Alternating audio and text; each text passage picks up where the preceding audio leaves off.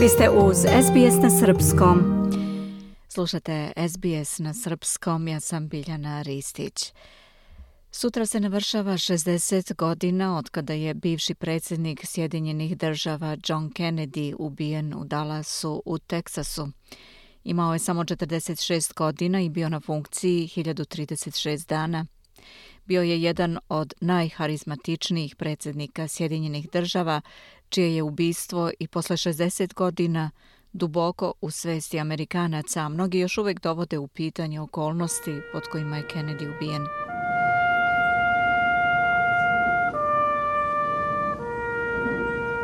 Na nacionalnom groblju Arlington u istočnoj državi Virginia ranije ovog meseca održan je memorial u čast bivšeg predsjednika, a oficiri američke vojske i rođaci gospodina Kennedyja odali su mu počast polažući venac na njegovu grobnicu.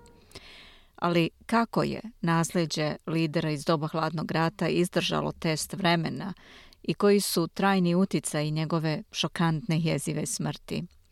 Bruce Volp, je bivši saradnik u Centru za studije Sjedinjenih država na Univerzitetu u Sidneju. On kaže da je stil tadašnjeg mladog političara bio zarazan za mnoge. He was, uh, the On je bio vođa u proboju nove generacije posle drugog svetskog rata i stvarno je želeo da Ameriku ponovo pokrene napred.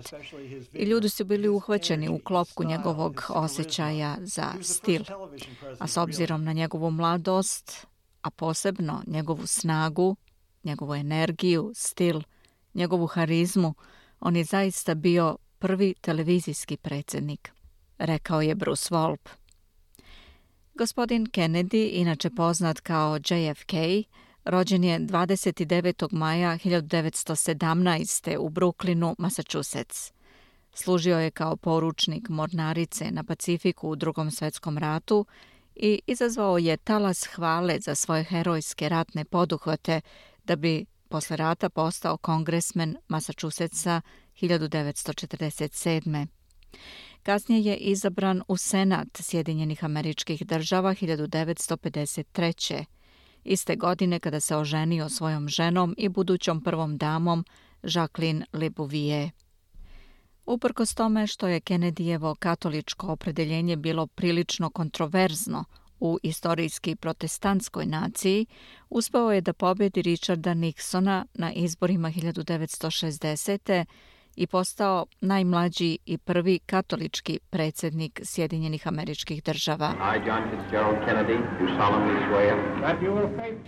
Kennedy je služio kao 35. predsjednik od januara 61. dok nije ubijen 22. novembra 63. u Dallasu.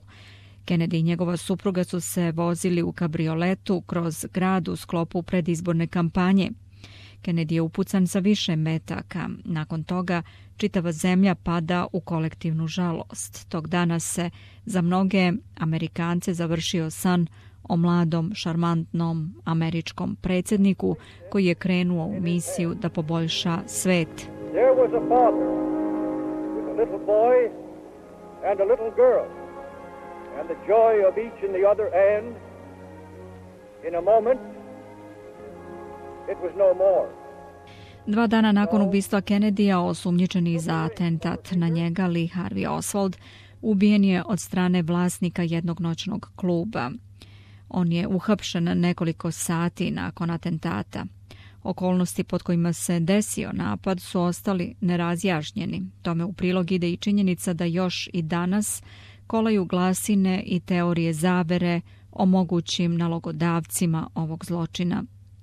Kennedyjev grob na Arlingtonskom groblju i danas često obilaze turisti.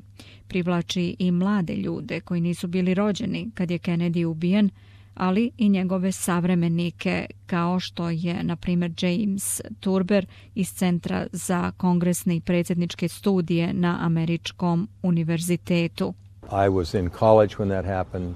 I, everyone in that generation knew exactly where they were when they uh, uh, Ja sam bio na koleđu kad se to desilo. Svi u toj generaciji znaju tačno gde su bili kad je Kennedy ubijen i kasnije kada je bila sahrana. Amerika je jednostavno stala i sve to posmatrala podsjeća James Turber. Isto je činio i ostatak sveta.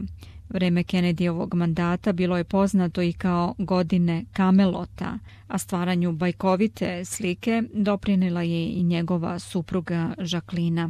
There's a myth around him and he died very young. He died uh, with chil young children, a beautiful wife, and they were loved by America. And as soon as he was killed, Oko njega je stvoren mit. Stradao je kao mlad čovek sa malom decom i lepom ženom koje je Amerika volela. Mit je postajao sve veći otkad je ubijen. Pamtimo ga kao mladog predsjednika i čoveka sa inspirativnim govorima, kaže Turber za glas Amerike. Kennedy je inaugurisan 1961. kada je imao samo 43 godine. Tada je izgovorio čuvenu rečenicu i pozvao Amerikance da se zapitaju šta mogu da učine za svoju zemlju umjesto šta zemlja može da učini za njih. And so, my fellow Americans, ask not what your country can do for you, ask what you can do for your country.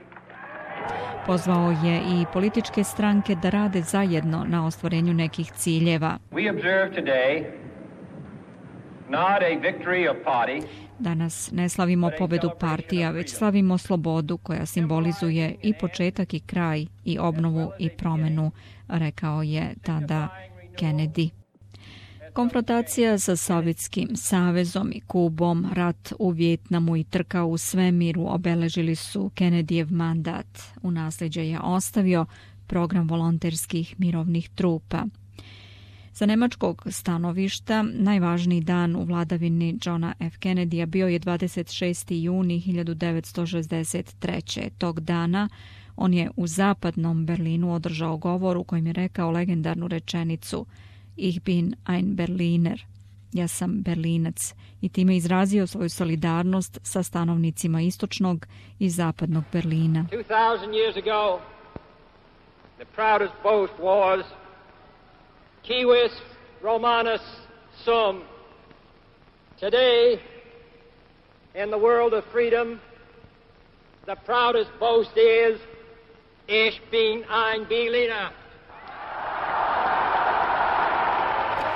Naučnici ipak različito tumače njegova dostignuća. Mnogi kažu da njegova tragična smrt i kratko vreme koje je proveo u kancelariji ne daju mnogo prostora za objektivnu ocenu, ali neosporno je da Kennedy jeste inspirisao čitave generacije američkih političara.